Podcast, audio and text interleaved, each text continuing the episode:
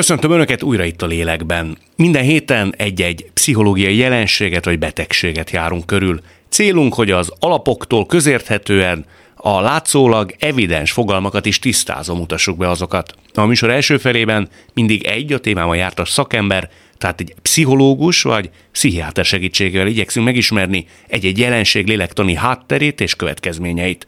A második részben pedig egy az adott témában érintett ismert vagy civil vendég mesél a saját megéléseiről, tapasztalatairól. Ma a pánikzavar, vagy közismertebb nevén a pánikbetegség pszichológiai hátterét igyekszünk megérteni, mindenek előtt Kozma Vízkeleti Dániel család pszichoterapeuta segítségével. Azt megállapíthatjuk, hogy a pánik keltetője és oka mindenek előtt a szorongás? A pánikzavar az a szorongásos nehézségek körébe tartozik, így valóban maga a pánik az tulajdonképpen egy elszabadult szorongás. Az mit jelent? Azt jelenti, hogy ilyenkor a szervezetünk amúgy normális védekező mechanizmusa saját úton kezd járni, és akkor is vészreakciót ad, amikor igazából nem vagyunk veszélyben. Tulajdonképpen egy pánikroham során az történik a szervezetünkben, hogy úgy reagál az agyunk, meg a szervezetünk, mintha valami nagyon erős veszélyben lennénk, négy oroszlán jönne velünk szembe a körúton, vagy tényleg belennénk zárva, és nem tudnánk menekülni, pedig menekülni kéne tűzüt neki. Tehát a szervezetünk így reagál, az agyunk azt hiszi, hogy óriási veszélyben vagyunk, holott közben éppen csak a metrón utazunk, vagy sétálunk valahova, vagy éppen tanakodunk valamin. Mi a különbség a pánik roham és a pánik betegség között? Köszönöm, hogy föltetted ezt a kérdést. A pánikroham egy viszonylag rövid és egyszeri esemény. Ilyenkor a szervezetünk túlzottan reagál. Általában ez nem több 10 percnél. Ilyenkor a diagnosztikai kategóriák szerint négyféle tünet fut végig rajtunk. Szapor a szívdobogás, vagy a gyomrunkat érezzük hirtelen összeszorulva, hány ingerünk támad, adott esetben hasmars tör ránk, vagy e, ilyen neurológiai vagy pszichológiai tüneteket élhet élhetünk meg, szédülünk, és ennek megfelelően azt érezzük, hogy hú, itt valami borzasztó dolog fog történni. Ez az mm, emberek 15%-ában életében egyszer előfordul, vagyis az emberek 15%-a életében egyszer átél egy ilyen rohamot. De nem, ettől még nem kell megijednünk, ugye? Öm, hát akkor lesz belőle zavar, ha ugye ettől megijedünk, és elkezdünk aggodalmaskodni, hogy hűha, ez mi volt? És lehet, hogy visszatér, lehet, hogy újra előfordul az életemben, és akkor két dolgot teszünk, egyrészt elkezdünk szorongani attól, hogy újra ilyen pánikzavar tör ránk, és hát mivel nehezen megfogható, hogy mitől alakult ez ki, és mikor fordult elő, ezért tulajdonképpen állandóan attól szorongunk, hogy húha, lehet, hogy a következő percben, lehet, hogy most, lehet, hogy most. Ez az egyik. A másik, hogy elkezdünk elkerülő viselkedéseket folytatni, vagyis kialakítunk mindenféle elképzelést, hogy majd mikor jön ez a roham, és ezeket a helyzeteket általában ezek összefüggenek a tömeggel, a zárt helyekkel, zárt terekkel, például közlekedési eszközök, vagy olyan tér, ahonnan nehéz lenne menekülni aluljáró viszonylag behatárolt helyek, egy-egy iskola, vagy például nagyon nem szeretünk sorba állni, mert onnan is nehéz lenne hirtelen kiugrani. Szóval elkezdjük ezeket a helyeket elkerülni. De azért kerüljük el, mert attól félünk, hogy ott fog ránk törni, ez az újabb Így fizikai van. tünet együttes, Így van. vagy az ismeretlentől félünk. Hát ö, ö, lélektani értelemben valószínűleg a szorongásunk máshonnan is táplálkozik. De ami ilyenkor tudatosítható, ilyenkor tényleg attól félünk, hogy újra ránk tör ez a roham, azt gondoljuk, hogy majd ez a metron fog megtörténni, és inkább nem utazunk metróval, aztán busszal se, nem megyünk ki a városba. Ezt nevezik aztán... agorafóbiának? Igen, hogyha a pánik rohamokhoz, illetve a pánik zavarhoz agórafóbia is társul, akkor egy-egy ilyen személy a szorongása kapcsán nem mer kimenni nyilvános helyekre, elkerüli a közlekedést. Na most ez egy idő után nagyon beszűkíti az életterünket. Ez egy öngerjesztő folyamat. Nagyon nehéz megfogni a tyúk vagy tojást, hogy melyik a kiinduló pont. Az viszont biztos, hogy, hogy mivel nagyon szorongok, ezért folyamatosan a, a emésztő szervrendszerem erre erre reagál, begörcsöl, gyorsabban kezd el működni, és mivel észlelem magamon, hogy hű, ha megint csavarodnak oda bent a dolgok, ezért még inkább fokozódik a szorongásom, vagyis ez egy tulajdonképpen a pánik egy önrontó kör, az egyik róla szóló népszerűsítő irodalom ezt a címet is viseli, hogy a pánikzavar önrontó köre. Önrontó kör pedig vagyis ugyanabba a spirálba keveredik bele az ember újra Így és van, újra. újra és újra. Egymás kölcsönhatásaként. Azt le tudjuk-e írni közérthető módon, hogy körülbelül mi játszódik le ilyenkor a szervezetben. Ilyenkor uh-huh. az idegpályák vetnek lobot, valami a, nem tudom én, a neurotranszmitterek kapcsán uh-huh. történik, de hogy onnan, hogy elkezdek izgulni, miképp tudja a szervezet mindezeket elég életűen előállítani. Uh-huh. Hadd mondjam azt, hogy is a szervezetemben is történik, a lelkemben is történik, és a külvilágban is történnek közben a dolgok, és ezeket nagyon nehéz szétválasztani egymástól. Önrontó vagy akár ugyanennyi energiával önjavító körök működnek odabent, és ebben részt vesz a szervezetünk, vagyis a biológiai felkészítettségünk, a lelkünk, a társas kölcsönhatásaink, hiszen szinte soha nem vagyunk egyedül, és van egy spirituális szféránk is, vagyis hogy mennyire vagyunk összhangban a világlátásunkkal, a, a világról alkotott elképzeléseinkkel mi történik a szervezetünkben. Amikor, és ez rögtön egy hajlamosító tényező lesz, hogy vannak közöttünk olyanok, akik fokozottabban figyelik a szervezetünknek a történéseit, őket szenzitizátoroknak hívjuk, vagyis amikor a figyelmünk folyton így, jaj, most érzem, hogy igen, a egyik fülem egy picit melegebb a másiknál, érzem, hogy a szívem most egy picit gyorsabban dobog. Van ennek az ellentéte is igaz, vannak ugye represszorok, akik akkor sem mennek orvoshoz, ha már nagyon fáj, mert nem figyelnek a testük jelzéseire. Szóval azok a személyek, akik inkább figyelnek mindenre folyamatosan, és monitorozzák, hogy mi történik belül, ők hamarabb észre fogják venni, hogy valami apró eltérés támadt. Egy pici, jé, most egy picivel gyorsabban dobog a szívem, ezt előhívhatja koffeinfogyasztás, bizonyos tudatmódosítószerek, egy fáradtság, étkezési nehézségek, egy felfokozottság, egy stressz. Tehát millió oka lehet, hogy a szervezetem egy picit máshogy reagál a megszokottnál. Eddig ez egy teljesen természetes folyamat. Itt következik be egy váltás, hatás, ami pánik zavarhoz, vagy ismétlődve pánik betegséghez vezethet, hogy elkezdem ezt észlelni, és katasztrofizálok.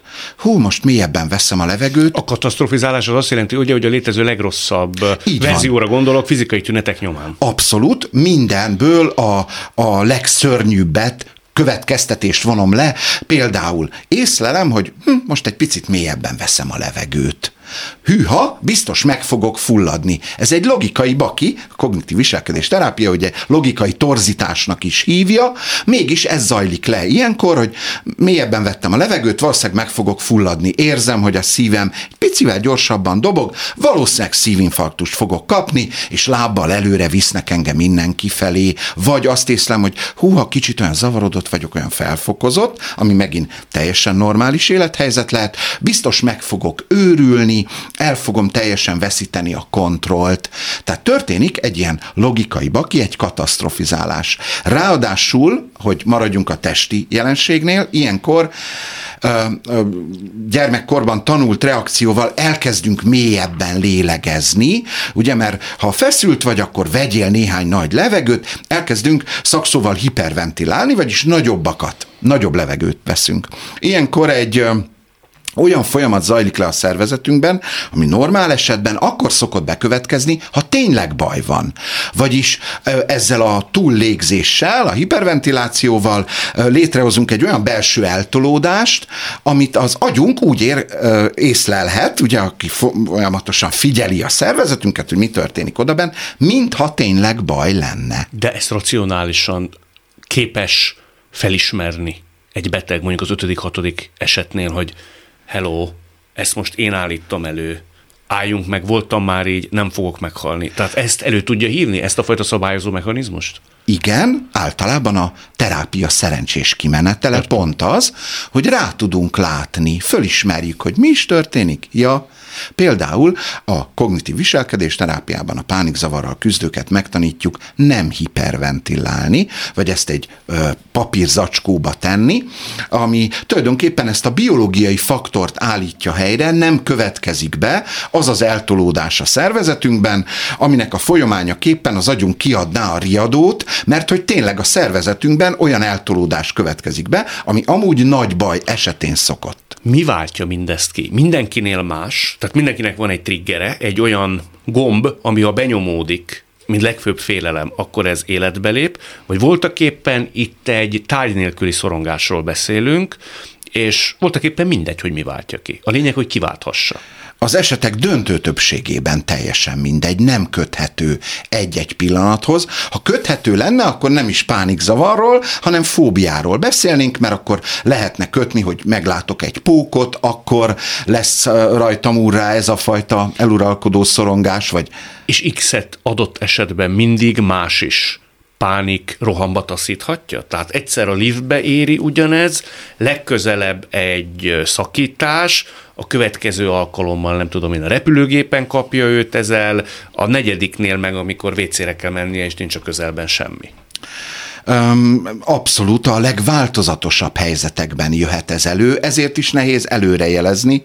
Ennek folyamán válik ez a szorongás, a roham megismétlődésétől való félelem tényleg a mindennapok része, mert nem tudom pontosan bejósolni, hogy az ötös buszon a negyedik és a hetedik megálló között, vagy ha előveszem a telefonomat, és a anyósom száma van a kijelzőn, vagy ha a főnököm azt mondja, hogy jöjjön be, legyen szíves, beszélnünk szükséges, szóval nem köthető helyzethez. Általában azért az levonható, hogy nagyon gyakran inkább zárt térben történik mindez, vagy olyan helyen, ahol sokan vannak körülöttem, mert ezek a helyzetek eleve szorongatóak, illetve eleve előállítják azt a biológiai faktort, ami a szervezetünket megcsalja. Még mielőtt rátérnénk a lelki aspektusokra, nagyon röviden szerintem érdemes elvarni. Aztán nem tudom, hogy egy pszichológus e tekintetben mennyire tudja ezt elmondani, de tudsz mondani orvosi értelembe vett különbözőségeket. Egy klasszikus szívinfarktus, béli tünetegyüttes és a pánik roham jellemvonásai közt. Tehát, hogy az így nyugtassuk meg az embereket akkor, meg gondolom ez a legfőbb félelem, hogy amikor valakinek elkezd szorítani a melkasa, ez ugye egy rendszeres tünet. Izzadni kezd, verejtékezni kezd, zsibbad a keze. Szapor a szívverést Szap... észlel magának. Hol a különbség az infarktus és a pánikroham közről? Azért ne kezdjük el rögtön azt hinni, hogy infarktusunk van. Infarktus esetén általában sokkal inkább több tünet jelentkezik egyszerre. A pánikroham kiváltásához elég ezekből egy nem kell mindnek jelen lennie, az infarktusnál valóban minden általad felsorolt tényező, vagyis a szaporaszívverés, a melkastái szorítóérzés, vagy a balválba kisugárzó fájdalom, ugyanígy az izzadás, vagy más belső reakciók jelen vannak, míg a pánik roham esetében ebből bőven elég egyetlen. És a a reakciónk viszont nagyon hasonló lesz, mert elkezdjük azt hinni, hogy nagyon nagy a baj, valószínűleg tényleg mindjárt meghalunk. Infarktus esetén ugye nagyon fontos valóban a segítségkérés, ha tudjuk, hogy erre van hajlamosító faktorok bennünk, akkor erre mindenképpen szükséges odafigyelni. Pánikzavar esetén pedig sokkal inkább a, ezt a túlreagálást lesz szükséges kezelni, hogy ne higgyen minden élethelyzetben azt, hogy ez most az életemet veszélyezteti. Ugyanakkor mégiscsak a Lélekben című műsorban beszélgetünk, hogy a pszichológiai hátterére lennék elsősorban kíváncsi. Ugye Freudnak van egy elmélete a szorongás a zavarra kapcsolatban, mi szerint valamilyen én részünk egy ösztönös dologgal kibékíthetetlen ellentétbe kerül a mi szervezetünkben. Tehát, hogy általában ilyesfajta eredője van mindennek. Ezt tudnál velünk érzékeltetni, hogy mikre gondolhatott Freud? Hogyne. A pánikzavarra kapcsolatban van egy egészen specifikus teóriája, hiszen tudjuk, hogy maga Freud is élt át pánikrohamokat. Ma nem lenne diagnosztizálható pánikzavarral a szigorú kategóriák szerint, de ő maga is átélt ilyet és leírta. Ő úgy gondolta, hogy az ösztön törekvéseink, vagyis, hogy hú, de jó lenne megenni valamit, vagy ott egy csinos nő meg kéne szólítani, vagy szeretnék birtokolni valamit, ami nem az enyém, ezek a késztetések, amikor megjelennek, a pánikzavar abból fakad, hogy a bennünk élő úgynevezett felettes én, vagyis a bennünk élő szüleink, erkölcsi mércénk, a társadalom elvárásai, ezeket az ösztönkésztetéseket nem kiegyensúlyozott módon, hanem könyörtelenül büntető módon kezdik el visszanyesegetni. Vagyis a Freud elképzelésében a lelkünk úgy működik, hogy van egy ilyen van egy kocsis a bakon, az egyik ló balra húzna, ez az ösztönkésztetésünk, aki vinne bele minket mindenfélének az azonnali kielégülésébe. Míg a bennünk élő felettesén, ami ugye a társadalmi elvárások, az erkölcsi rend és mérce képviselője, ő pedig képviseli azt, hogy de hát ezt nem szabad, ilyet nem illik, rendes ember ilyet nem csinál. Tehát mindenkor valamifajta belső konfliktus vagy ellentmondás állítja mindezt elő? Így van. Kibékítetlenség belül? Freud úgy képzeli, hogy a lelkünkben állandóan van egy ilyen harc, szerencsés esetben találunk egy egyensúlyt. Pánik zavar akkor jön létre a, ebben a koncepcióban, a freudi koncepcióban, hogyha ez a felettesénünk, ez túl erős, könyörtelen, és nagyon-nagyon szigorú, és nem azt mondja, hogy de hát ezt nem szabad, nem illik, hanem azt üzeni, amikor mondjuk arra gondolok, hogy fú, van a táskámban egy rántott húsos zsömle, hát most már így pont kajaidő van, de jó lenne ezt elfogyasztani, ugye jön az ösztönkésztetés, akkor erre nem azt mondja felettesénünk, hogy de hát tessék szépen enni, meg kivárni az időt, meg kezet mosni előtte, hanem azt üzeni nekünk, hogy rendes ember podcast felvétel közben. Nem gondol kajára, micsoda egy nulla vagy te, e a társadalom söpredéke legalja, tehát nagyon szigorú, könyörtelen és büntető üzeneteket küld, és így nem egy ilyen normál harc lesz oda bent, hanem egy ilyen borzalmas háború. Ennek a feszültsége robban ki abban, hogy nagyon-nagyon elkezdek szorongani, és tulajdonképpen a lelkem a benne éppen dúló valóban nem csak, hogy kibékíthetetlen, hanem könyörtelenül áldász küzdelem megfelelőjeként azzal a élménymóddal lesz jelen, mintha belül tényleg ez zajlana. És ha jól sejtem, ezek a belső ellentmondások, vagy konfliktusok, feszültségek, ezek nem is annyira nyilvánvalóak a beteg nem. számára? Pontosan, ezek ugye a tudattalamban zajlanak, nagyon ritkán látunk erre rá, általában ugye az analitikus koncepcióban hosszú terápiás munkával lehet egy részüket tudatosítani. Ezek zsigeri és belső konfliktusok, amiről van. még ő se tud feltétlen. Nem. És ha Pontosan. jól sejtem, aztán majd rám szólsz, hogy laikusként nagyon rosszul próbálom ezt prezentálni, vagy elképzelni, de ezek ilyen lassan ölő mérgek. Tehát, hogy csöpög a csap, mondok egy példát, és egyszerűen telítődik egy tartály. És ennek a kisülése, vagy kibontakozása aztán az első pánikroham. Én ezt jól képzelem? Tehát, hogy valaki belül-belül marja magát, nem is biztos, hogy tudja, hogy pontosan mitől, diszkomfort érzete van, valami nem teljesen uh-huh. frankó, és amikor telítődik ez a bizonyos tartály ezzel a szorongás mennyiséggel, uh-huh. ennek lesz a végső eredménye egy pánikroham.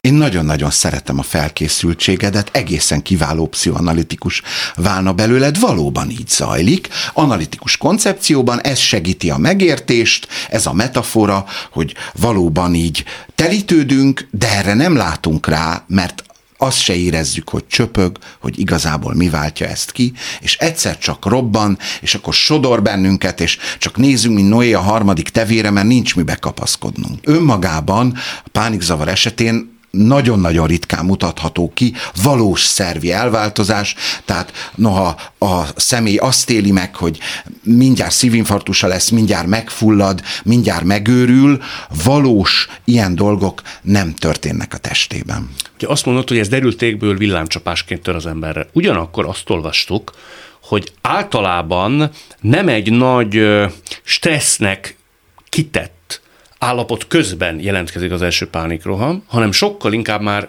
az ezt követő nyugalmi időszakban. Ez annak köszönhető, hogy egész egyszerűen az erőtartalékok lemerülnek, és valamiféleképp a szervezet, amikor már ez a fajta stresszállapot elmarad, jelez, vagy valami önszabályozó mechanizmus billen fel?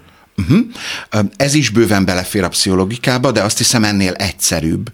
Amikor éppen benne vagyunk egy nagyon erős stressz helyzetben, és a szervezetünkben jelentkeznek tünetek, akkor ezt képesek vagyunk magyarázni ezzel a stresszel.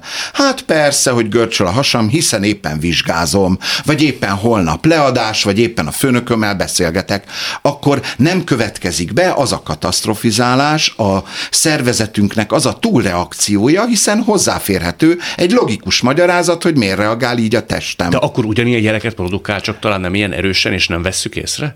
Um, talán ugyanilyen erősen, észre is vesszük, de nem tulajdonítjuk katasztrófának. Lévén, hogy látjuk annak az indokoltságát. Pontosan. A kitettség miatt. Így van, teljesen magyarázható. Ugye a, a, tulajdonképpen a pánik akkor lesz, amikor nem vagyunk valós stressz helyzetben, mégis a szervezetünk úgy reagál, mintha úgy lennénk, mert ezt magyarázzuk. Ha nagyon konyha nyelven akarom kifejezni magam, akkor tulajdonképpen a lelki berendezkedésünk, vagy a lelki folyamataink küldenek egy vészjelet ilyenkor? Így van. Ez igen. egy segélykiáltás, hogy ezt meg kell oldanunk.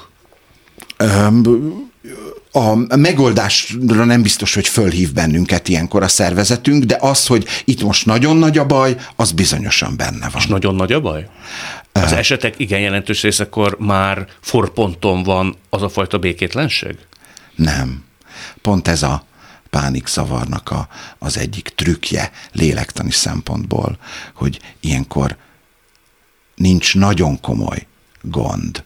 Ha a frajdi koncepcióra gondolsz, hogy ez a túlcsordulás, akkor következik be, amikor, amikor már tényleg nagyon-nagyon tele van, már nagyon-nagyon erős bennünk ez a küzdelem, akkor ezt létre tudják hozni nem csak egzisztenciális szintű, vagy létünk legalapvetőbb kérdései felett zajló problémák, hanem tényleg apró nézeteltérések odabent. Még pár mondat erejéig, hogy szerintem gyorsan varjuk el azt, hogy végső soron meddig és mi történik a szervezetben. Van ennek valami körülírható definíciós időtartama? Tehát uh-huh. nem tudom, ez 5 percig szokott tartani, mindenkinél más, vagy általában azért ez véget ér fél óra alatt. Tehát mi ennek az orvosi uh-huh. vagy pszichológiai definíciója egy pánikrohamnak? Igen, egy pánikroham jellemzően legkésőbb 10 perc alatt kialakul, tehát a legelső tünetek észlelésétől a tünetek tetőzéséig legkésőbb 10 perc telik el, és körülbelül ennyi idő alatt le is cseng. Ennél gyakran egyébként gyorsabb, tehát valóban ez egy ilyen néhány perces epizód, és pontosan a, a hevessége, a gyorsasága miatt sokkalta, sokkalta ijesztőbb, mint amennyire valóban veszélyes. Mitől múlik el? Tehát én mulasztom el, vagy az a természetrajza ezeknek a jelenségeknek, hogy amilyen gyorsan jön, voltak éppen magától távozik is. Az első pánikzavar magától elmúlik, szépen lecseng. Általában ehhez hozzájárul az, hogy elhagyom azt a helyszínt, hogy egy idő után a légzésem visszatér egy normál ritmusba, be tudom kapcsolni saját önmegnyugtatási képességemet, megtapasztalom, hogy hát nem haltam meg, nem fulladtam meg, nem őrültem meg, és ez, ahogy ez az öngerjesztő, önrontó körbe tud kapcsolni, ugyanígy ez az önmegnyugtató kör is tud működni. Később nyilván, például egy terápia folyamányaképpen ez már tudatos és döntés folyamánya lesz, hogy aha, le tudom csengetni rövidebbre tudom zárni. A... Elmulasztani el tudom? Tehát egy jól sikerült terápia végpontjaként ki lehet az zárni egy életen át? Uh-huh. Nem lehet kizárni egy életre, tehát az érzékenységem valószínűleg megmarad. Ugyanúgy, ahogy mondjuk egy jól sikerült párterápia után bizakodva távozik egy házaspár, hogy soha többet nem fogunk veszekedni, valószínűleg fognak, de már jobb eszköztáruk lesz, hogy a veszekedésből ne legyen komoly sérülés. Ugyanígy a pánikzavar... már nem fognak repkedni Lehet, igen, igen. Csak akkor, ha ebben ők megegyeznek, hogy ők ilyen tányér dobálós, és ez mind a kettejüknek, mert szeretik a repülő csészealjakat, és ez mind a kettejük számára adaptív megküzdés. Pánikzavarnál is az a helyzet, hogy lehet, hogy előfordul, hosszú távú tünetmentességet el lehet érni, nagyon-nagyon ritkulnak a tünetek, és nem lesznek annyira ijesztőek. Tudsz mondani pár közismert, vagy talán leggyakoribbnak is mondható okot ezekről a bizonyos belső konfliktusokról, amelyek előállítják rendszerint ezeket a pánikrohamokat? Aha. Nem a frajdi koncepcióra gondolsz. Akár a te tapasztalataid Aha. alapján, vagy ha lehet egy ilyen főbb tünetegyütteseket elmondani, nem tudom, én nem azon a helyen Aha. vagyok, ahol egyébként lennem kellene, Aha. nem azzal vagyok, akivel egyébként lennem kellene, nem azt az életet élem, amit egyébként uh-huh. élnem kellene. Mik szoktak lenni általában ezek a belső ellentmondások?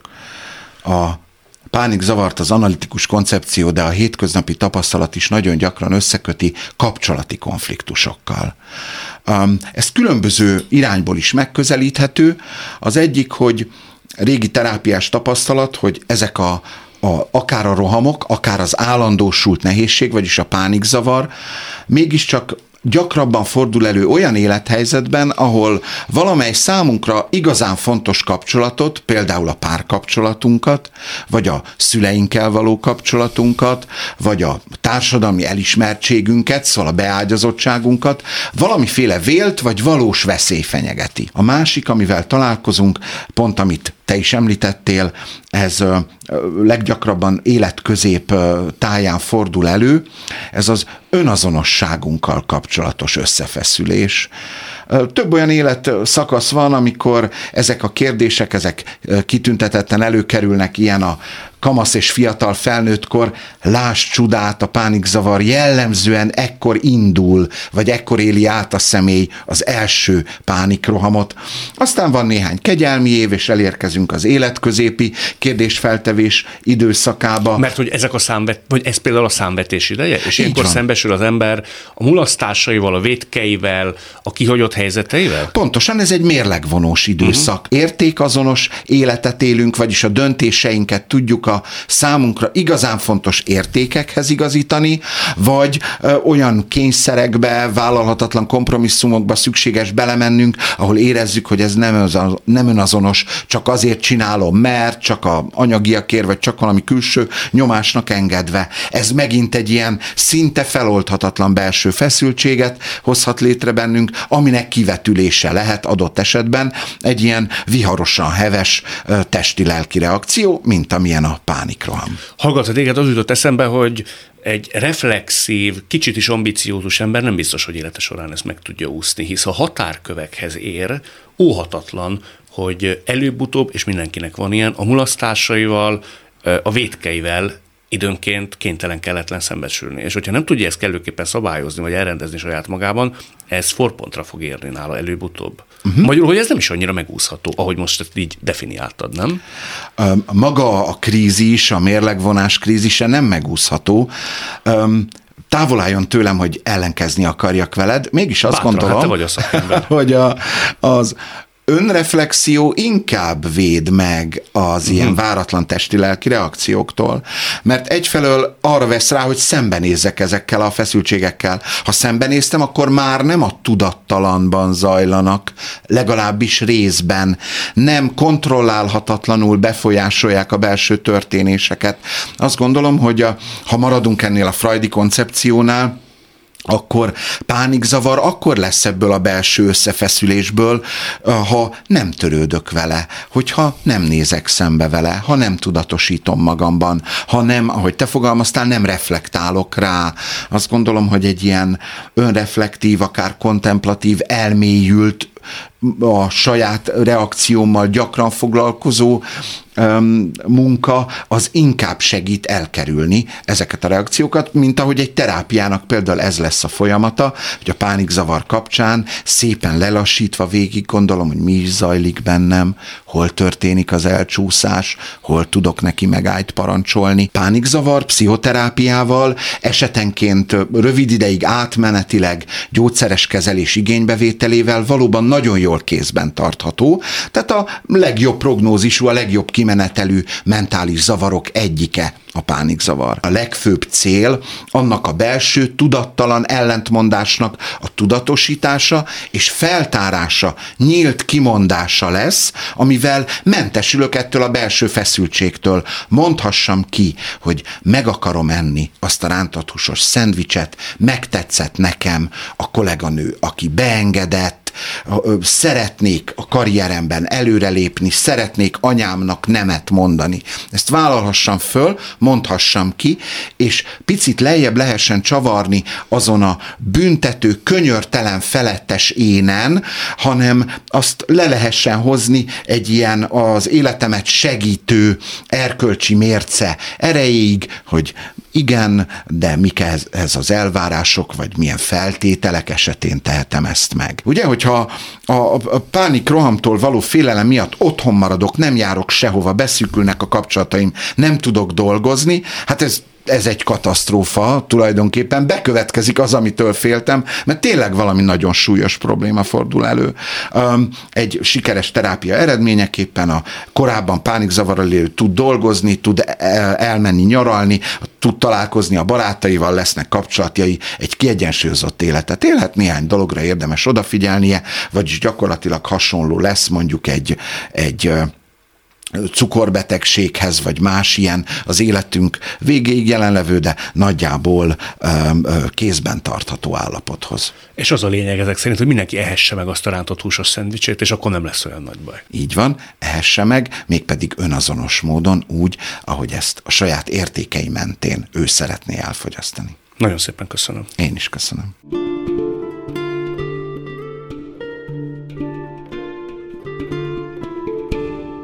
Kozma vízkeleti Dániel után jöjjön Pintér Adrien, ismertem nevén Ada, a Viva TV egykori műsorvezetője. Tíz évvel ezelőtt egyik napról a másikra jelentkezett nála az első pánikroham.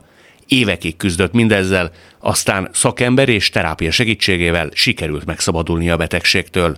Jelenleg az Együtt az Autistákért Alapítvány kommunikációs menedzsere emellett fitness és személyi edzőként is segíti a hölgytársait.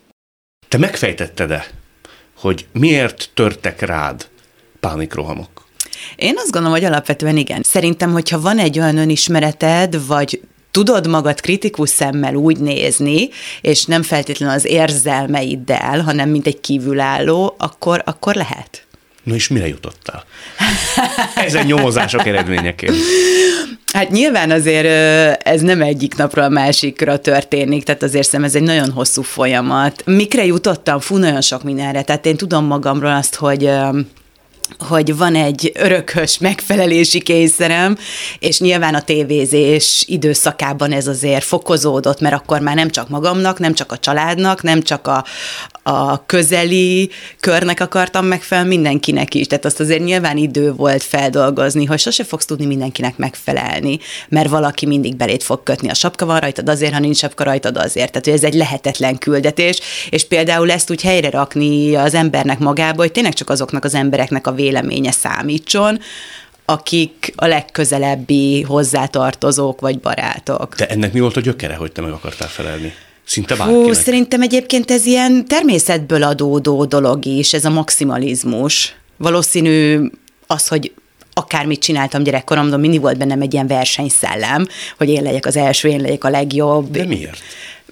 Hát, ha én ezt tudnám, hogy miért így születtem. Te biztos vagy benne, hogy ez meghatározott? Az én tapasztalataim alapján, én aztán távolról sem vagyok szakember, mindig van mögötte valami. Biztos. Mi nagyon sokat költöztünk, igen, de ilyen kilenc, hát majdnem tíz voltam, amikor először elköltöztünk Angliába, és onnantól fogva gyakorlatilag négy éven keresztül minden évben új iskolába jártam, új városba költöztünk, illetve hát volt egy ismétlés, mert a négy városból egyben kétszer laktunk, de hát azért ott is ez a, az új környezetben megfelelni, egy teljesen más kultúrában, idegen nyelv, amit nem beszéltem, mondjuk tény és való, gyerekként az ember nagyon gyorsan adaptálódik ezekhez a helyzetekhez, illetve megtanul magába szív egy, egy új nyelvet. Hát meg a figyelemhiány. Annak az elérése, hogy én jelen vagyok, itt vagyok, fogadjatok el. Hát nyilván az is beleszámít, hát akkor persze. Meg is érkeztünk, meg igen. is van, hogy miért akartál te itt olyan nagyon versenyszerűen mindig megfelelni igen, mindenkinek. Igen, igen, igen.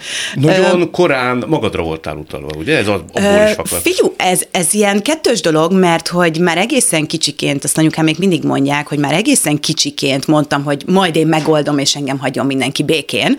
Tehát én meg akartam mutatni, hogy én ezt önállóan is képes vagyok, és az, hogy én egyedül, mar- egyedül maradtam idézőjelben, idézőjelbe, hogy ugye más országban éltem, mint anyukám, még az nem azért volt, mert ők ezt akarták, hanem én voltam az, aki kiharcolta magának. Tehát én mondtam, hogy én már pedig nem szeretnék költözni velük tovább, nekem elegem volt, én haza akarok jönni. Hány éves voltál? Hát akkor mentem gimnázium első osztályba. 14-15? Hát akkor majdnem 15, igen. És hazajöttél? Én haza, igen. Egy magad, 14 Hát nagymamámnál laktam, tehát azért úgy nem értem, úgy egy magam, nélkül? de szülők nélkül, igen. Tehát azért nyilván egy nagymama más, mint a, a szülők, más, hogy nevel egy gyereket, vagy mások a szabályok. Hiányoztak is menet közben a szüleid?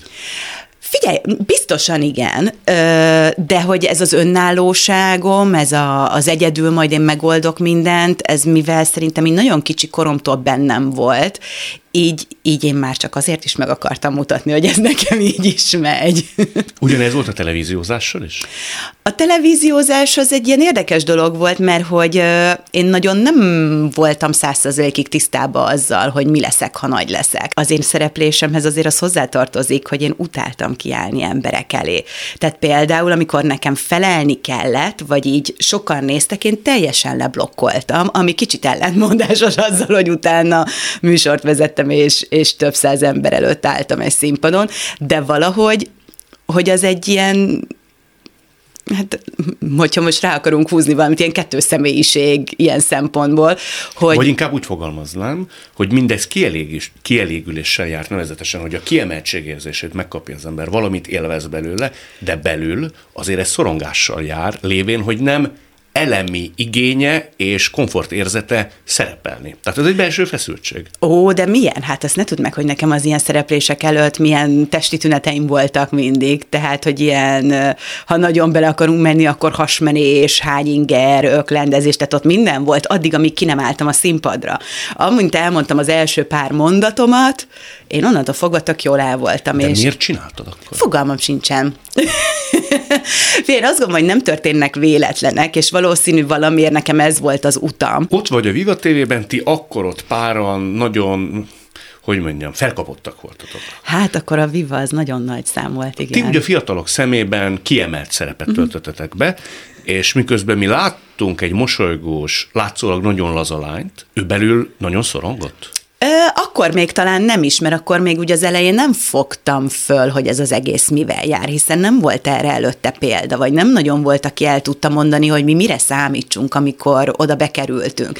Tehát ugye például az internet világa, a social média felületek, azok kb. mikor mi már ott voltunk, akkor kezdtek el így berobbanni, ott az elején még csak ilyen chat szobák voltak. És ugye akkor indult el ez az online bullying, hogyha már ilyen mosti, mostani trendi vagy hivatalos nevén akarjuk nevezni. Tehát a bántások. Igen, online. igen, tehát az, az nagyon durván ment. Igen, mivel bántottak? Fú, hát nagyon sok mindennel. Ugye hát ez a tipikus, hogy ki hogyan kerül oda, hogy biztos én is a könnyebb utat választottam, hogy nekem is a valakinek a kanapéján jött össze ez a munka, vagy, vagy éppenséggel így később, amikor már ugye akár a vállásomról volt szó, vagy így családi dolgok, hogy ott, ott mindig voltak ilyen megmondó emberek, hogy persze, mert az ő apja itt vagy ott dolgozik, és gazdagok, vagy, vagy hogy tehát mindig volt valami, és egyébként így az elején mi ezt nagyon-nagyon nehezen viseltük. És ö, nyilván a, a fiatalság is hozzájárul ehhez, hogy nem voltunk feltétlenül érettek, felnőttek, plusz, hogy ez egy teljesen új jelenség volt. És és azért ezeket megtanulni, kezelni, hogyha ha nem jutottam volna el arra, hogy már nem érdekel mindenkinek a véleménye, hanem tényleg csak azzal foglalkozom, ami a körülöttem hozzám közel álló emberektől jön, akkor valószínűleg valami gumiszobába lennénk bezárva mindannyian. Ott nagyon sok minden volt, ugye először a Vivának vége lett, akkor új munkám lett, akkor ugye azzal az én beosztásom, a napi rendünk, tehát minden teljesen megváltozott, akkor utána meghalt déd nagymamám, aztán déd nagypapám, aztán utána a nagymamám, aztán nagypapám, ez így pár éven belül így szépen sorban, és hát az ott az úgy nagyon sok változás volt. De mégsem akkor jelentkezett az első pánikról. Nem, de hát erre, amikor én így elkezdtem jobban belemélyedni, és utána olvasni, akkor én erről olvastam is, hogy nem akkor történik, amikor te éppen benne vagy egy, egy nehéz helyzetben, egy adott szituációban, hanem sokszor akkor, amikor tök nyugi van körülötted. Akkor már nyugi volt, amikor jelentkezett? Én azt gondolom, hogy igen. Tehát, hogy akkor akkor nem volt éppen semmi olyan friss történés, ami, ami indokoltá tette volna, és ezáltal lehet, hogy pont azért jelentkezett, mert hogy nem voltak a gondolataim elfoglalva minden egyébbel, hanem, hanem úgy voltam. Moziba történt, ugye? Látszólag Igen. teljesen váratlan. Igen. Mi történt? Igen. Fú, azt meg nem mondom, hogy melyik film volt, de, de a nyitó jelenet, hát mondjuk sokkal többet nem láttam belőle, mert utána a WC-be mentem ki. Ültünk a moziban, elindult a film, még csak a főcím, mentek a, az ilyen kamerasvenkek, ráközelítés, meg így át az autón keresztül sok villódzó fény, meg minden, és egyszer csak így azt éreztem, hogy egy ilyen gombóc van a torkomba, készít valami nem oké, nem kapok úgy rendesen levegőt, tehát ilyen nagyon nem volt komfortos. És akkor még ott picit vártam, próbálkoztam úgy helyre rázni magamat, és azt éreztem, hogy na jó, ez így nagyon nem oké, kimegyek a mosdóba, valami lesz, és akkor onnantól fogva teljes összeomlás. Úgyhogy tehát ott, ott tényleg az az érzésem volt, hogy én itt most meg fogok fulladni, kész, nem kapok levegőt, vége van a, az egésznek. De fizikailag voltál nagyon rosszul?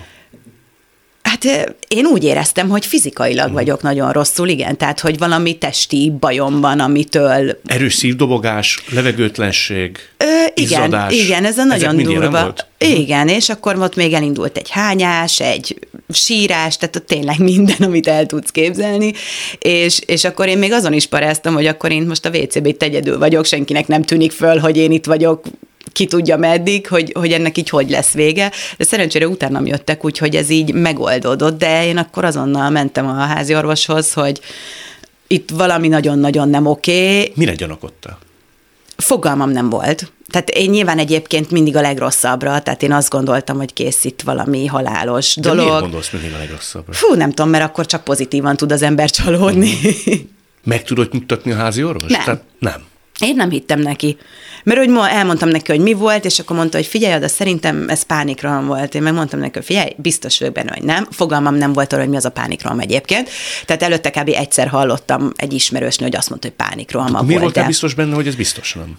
Ó, mert én éreztem, hogy ott konkrétan van valami. Tehát, hogy ezt én nem tudta nekem megmagyarázni, hogy lehet, hogy én azt érzem, hogy, de igazából az csak az én képzeletemben, vagy a, a kis agyamban történik, és akkor én mondtam, hogy jó, akkor én szeretnék elmenni mindenhova, és akkor voltam fülorgégészeten, tüdőszűrésen, 24 órás EKG, tehát tényleg mindent is megcsináltattam, ami ez a terület, nyaki ultrahang, hogy tuti nincs ott valami, amitől én meg fogok fulladni, és, és amikor nyilván minden teljesen rendben volt, akkor kezdtem egy gondolkozni, hogy hát akkor lehet, hogy mégiscsak igaza van, és elkezdtem utána olvasni, hogy mit kell tudni a pánikrohamról, vagy pánikrohamokról. És, és hát akkor így összeállt a kép, elkezdtem gondolkozni, hogy, hogy mi lehet az oka, mi lehet a kiváltó forrása, miért pont most jött ki, és, és akkor is szépen lassan kezdtem el vele foglalkozni. De ezt követően többször visszajött és Ó, persze, hát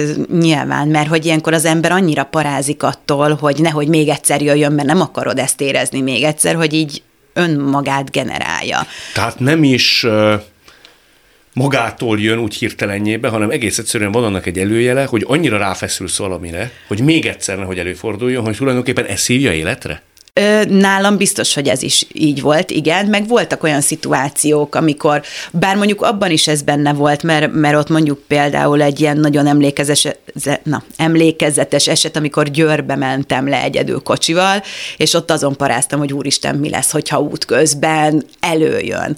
És nyilván elindult a folyamat, és akkor volt az, hogy fölhívtam egy ismerős, hogy beszélgessen velem végig, mert én soha nem fogok Győrbe leérni, és ott ragadok az autópálya szélén, és ki tudja, mi fog fog velem történni ott, mert hogy egyszerűen muszáj terelni a gondolataimat valamivel. Milyen rendszerességgel volt ilyesfajta veszély?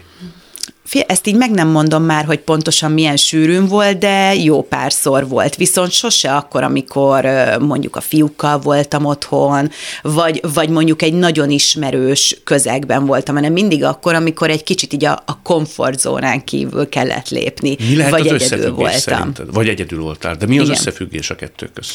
Hát szerintem, hogyha mondjuk a, a gyerekekkel voltam, akkor az, hogy nem gondolkoztam meg, nem azzal voltam, nem, nem az én gondolataim, a saját gondolataimmal voltam elfoglalva, hanem teljesen máshova tereltem a figyelmemet míg mondjuk munka közben ugyanez volt, de amikor már egyedül kellett a kocsiba ülni, és valami olyan helyre menni, ami egy ismeretlen terep volt, akkor meg már az, hogy huha, itt most egyedül vagyok, és akkor mi történik, ha. Volt is olyan, hogy ez nagyon megijesztett téged? Tehát tényleg beköszöntött, egyedül voltál, és volt dráma, és komoly volt a pánik, hogy most mi lesz velem? Ö, hát akkor mindig telefon volt, vagy, vagy akkor mondjuk szerencsére, mivel ugye voltak gyerekeim, nagyon-nagyon sokat nem voltam egyedül, max, hogyha úgy kellett valahova mennem. De, de egyébként az esti elalvás volt még néha ilyen, hogy inkább a gyerekekkel aludtam, mert akkor az úgy komfortosabb volt, mint egyedül aludni, mert... De mitől féltél, hogy nem kell föl Aha, igen. Igen. Hogy mi van, ha éjszaka jön rám? Te tulajdonképpen a haláltól féltél? Ó, én attól mindig is féltem, a mai napig. Tehát én attól nagyon félek, hogy mi fog akkor történni. Hogy mi fog akkor történni? Igen, igen. Én mi a legrosszabb, ami történhet velünk? A nagy semmi, nem tudom. Tehát ez a baj, hogy mivel, tehát például ez, az ismeretlen, uh-huh. hogy valami, amit senki nem tud megmondani, hogy az milyen, vagy ott mi lesz, vagy utána mi fog történni. Igen, milyen érdekes, hogy a te életed legalábbis 14 éves korodig azzal telt, hogy az ismeretlennel kellett megbarátkozni, Aha. és mindig helytálltál. Most pedig attól félsz. Hát attól, Mindig, hát attól mindenki hát, fél, nem? Igen, de hogyha x-szer már megugrottad, ráadásul olyan környezetben, ami más számára szinte megugorhatatlan volt, ja. akkor miért állított és állít ekkora kihívást minden, ami ismeretlen? Ez egy nagyon jó kérdés. Meg tudod fejteni? Fog, hát én vagyok terapeuta, nem tudom. Nem tudom. Fogalmam sincs. Nyilván egyébként ez nem azt jelenti, hogy én ilyen nagyon komfortzónában élek, és csak olyan dolgokat csinálok, mert azért ez nem így van. Hallom, hogy munka során, vagy munka castingok során ah, is okozott neked ez problémát. Egyszer volt egy ilyen, igen. Te ott mitől féltél? Hát ez az ismeretlen, tehát ott is az volt, meg megfelelés, nyilván. Tehát, hogy egy új terepen, új emberek előtt, új munkakörben kell most a legjobbamat nyújtani ahhoz, hogy engem válasszanak. Téthelyzet volt. Igen, nyilván. igen, igen, igen. És igen. leblokkoltál? nem csak, hogy leblokkoltam, az összes tünetet produkáltam azon, úgyhogy el se jutottam odáig, hogy, hogy, hogy úgy effektíve leblokkoljak mondjuk egy mondat közepén. Mert odáig sem jutottam el, hogy az első mondatomat elmondjam. De mi történt? Igazából csak a szokásos, hogy így annyira rápörgettem magamat, hogy, hogy akkor itt most meg kell mutatni, hogy, hogy egyből jelentkezett ez Fizikailag? a... Fizikailag? uh-huh. igen, igen, igen, igen, igen, igen. Tehát oda sem mentél a kamera elé, hanem kijöttél? Aha, igen, tehát az lett volna, hogy na, akkor adat te jössz, és akkor én ott teljesen le, hát nem azt mondom, összeomlottam, mert nem összeomlottam, hanem egyből elkezdtek jönni a szívdobogás, gumó, nem kapok levegőt, és akkor mondtam, hogy én nem tudok kimenni, tehát vagy így esélytelen, hogy én egy mondatot is el tudjak épkézláb összeszedett gondolatokkal mondani. No ez a te szakmai öntudatodat például akkor kikezdte? Nem, mert azt gondolom, hogy lehet, hogy ez egy jel volt, hogy nem az volt az utam, hogy nem oda kellett akkor mennem, vagy nem arra kellett mennem. Arra például nem gondoltál, hogy lehet, hogy az egész nem feltétlen a te választott utad volt? A nyilvánosság? Ö, is, de ugyanakkor meg ö, nem is választott volt, hanem ez is egy ilyen véletlen műve igazából, ahogy én a tévézést kezdtem. De hogy neked nem biztos, hogy annyira testhez álló, mint elsőnek tűnt, hogyha ennyire képes volt kiváltani Most erre mondjam a... azt, hogy a, a pszichológus, akihez jártam, mit mondott? ő mondta azt, hogy ő nem érte, hogy én mit keresek ebben a világban. Mármint, hogy a, a tévézés, a igen. És mondom, hogy engem nem is a, a szereplés része, vagy az, hogy engem megismerjenek, vagy, vagy azt nem hogy sztárság, mert Magyarországon nincsenek sztárok. Az ismertség része vonzott meg érdekelt, hanem én magát a munkát szerettem. Hát Azokat... a kiemeltség részét, nem? Ami ezzel jár. Mm, hogy felismerik azért az ember. Nem, mert az, azzal nem? sose tudtam mit kezdeni például. Tehát, hogy az, az, hogy engem az utcán megismernek, vagy odajönnek, szerintem én jobban zavarba voltam nagyon sok esetben, mint az, aki oda jött. Tehát, hogy Hát ez, ez ilyen... is azért azt mutatja, hogy nem feltétlen ez a Igen. területnek Igen. megfelelő alkatod van. Mert van, aki ebben lubickol. Hát azt Igen, tessék, valaki hogy... kifejezetten Igen. élvezi, igen. Nem, valahogy, hogy én, én nagyon szerettem azokkal az emberekkel együtt dolgozni, magukat a forgatásokat, tehát a munka részét, de minden egyebet, ami, ami ezzel együtt jár, azt nem. De egyébként, hogyha megnézzük, szerintem nagyon sok olyan ember van, aki, és most itt nem magyarokra gondolok feltétlenül, meg nyilván- nem ilyen szintű ismertségre, hanem ilyen nagyon nagy amerikai sztárokat, ha megnézünk, azért nem véletlen, hogy annyian betegek, vagy betegszenek meg. Neked az igazán kemény időszak, tehát a moziban történt Igen. első pánikroham, és a megváltás történetig, tehát amikor a pszichológusnál mindezt feloldottad, az meddig tartott? Az hány évig tartott? Fú, hát olyan kettő-három körülbelül. Azért az kemény, az nem olyan kevés. Igen, de az nyilván nem azt jelenti, hogy ott az alatt a két-három év alatt folyamatosan ilyen durva volt a helyzet. Tehát nyilván ott az elején volt egy ilyen durvább időszak, amikor még én se tudtam nagyjából, hogy mi történik, és utána tök jól el tudtam kezdeni kezelni magamat idézőjelbe, ezt is szabad mondani. Tehát akkor elkezdtem meditálni, egy kicsit így jobban befelé fordulni, jogázni. A legelején két dologra jöttem rá. Az egyik az, hogyha egy nagyon mentolos rágót hm. bevesz az ember a szájába, akkor ugye, hogyha sóhajtasz egy nagyot, akkor teljesen érzed az egész nyelőcsövedet, meg mindent, hogy ott tuti nincs semmi, tehát hogy akkor, akkor ott nem lesz probléma. És akkor ez volt az egyik praktikám, hogy akkor ilyenkor ö, nagy levegő, rágó, és akkor érzem, hogy az ott úgy rendben van. Ö, illetve hát a légzés gyakorlatok, azok nagyon sokat tudnak segíteni ilyen esetben, hogyha megtanulsz egy pár olyan légző gyakorlatot, amit akár a jogában is alkalmaznak, tehát az is, meg hát a terelés, telefonbeszélgetések. Fel kell hívni valakit. Valakit felhívni, igen, most azonnal beszélgessél velem, kérdezgessél, hogy ne gondolkozzak. És az se jó, ha csak ő beszél, mert akkor nem biztos, hogy arra fogsz figyelni. Kérdezgessél, és akkor beszélek. Én azokra a dolgokra jöttem rá, hogy mik azok, amik ö, nem foglalkoztam eleget ahhoz, hogy le tudjam zárni. Uh-huh. És nyilván addig, amíg nem zár, persze azt mondod, hogy ez elmúlt, ez már régen volt, már nem foglalkozom vele, az nem azt jelenti, hogy lezártad. Tehát addig, amíg te magadban nem raksz rendet, és békélsz meg minden dologgal, ami történt, addig nem fogod tudni lezárni. És szerintem nálam ez volt a fontos, hogy átnézzem az addigi életemet, hogy mik azok, amiket így nem akarok vele inkább foglalkozni, oké, okay, hogy volt, de hogy így már nem beszélünk róla, vagy, vagy, vagy nem dolgoztam úgy fel, vagy nem éltem meg azt a történést úgy, hogy kellett volna, és és amint ezeket úgy helyre raktam, feldolgoztam, átgondoltam, stb., akkor jött el az a pont, hogy, hogy már úgy azt tudtam mondani, hogy rendben vagyok. Soha nem mondtam azt, hogy száz százalékig biztos vagyok benne, hogy soha többet nem fog jönni, mert simán lehet, hogy bármikor visszajöhet, de azt gondolom, hogy, hogy sikerült olyan eszközökhöz jutnom, amivel tudom kezelni. Most félsz-e bármilyen ismeretlen szituációtól, hogy valamikor előjön? Ö, nem, Nem? nem. Nem félek, mert valószínűleg most már nem ismeretlen, hanem megvannak az eszközém, tehát ha véletlenül meg is történne, akkor tudom, hogy mit kezdjek vele. Egyrészt, másrészt meg mivel már megtapasztaltam, ezért most már nem félek tőle. Hm. Mert már nem olyan is, lehet, hogy persze ismeretlen szituáció az lehet, de hogyha egy olyan helyzetbe belekerülök, akkor már nem ismeretlen az, ami viszont történhet. Hát akkor maradjunk ebben, nagyon köszönöm. Én is. Ez volt a lélekben Kozma vízkeleti Dániellel és Pintér Adrien Adával. A műsort nem csak hallgathatják, de végig is nézhetik. Iménti beszélgetésünk hamarosan már látható lesz YouTube csatornámon is. A mai adás létrejöttében köszönöm Leocki Miriam, Rózsahegyi Gábor és Lantos Dániel segítségét. Találkozunk holnap egy órától itt, a Klubrádióban. Viszont hallásra!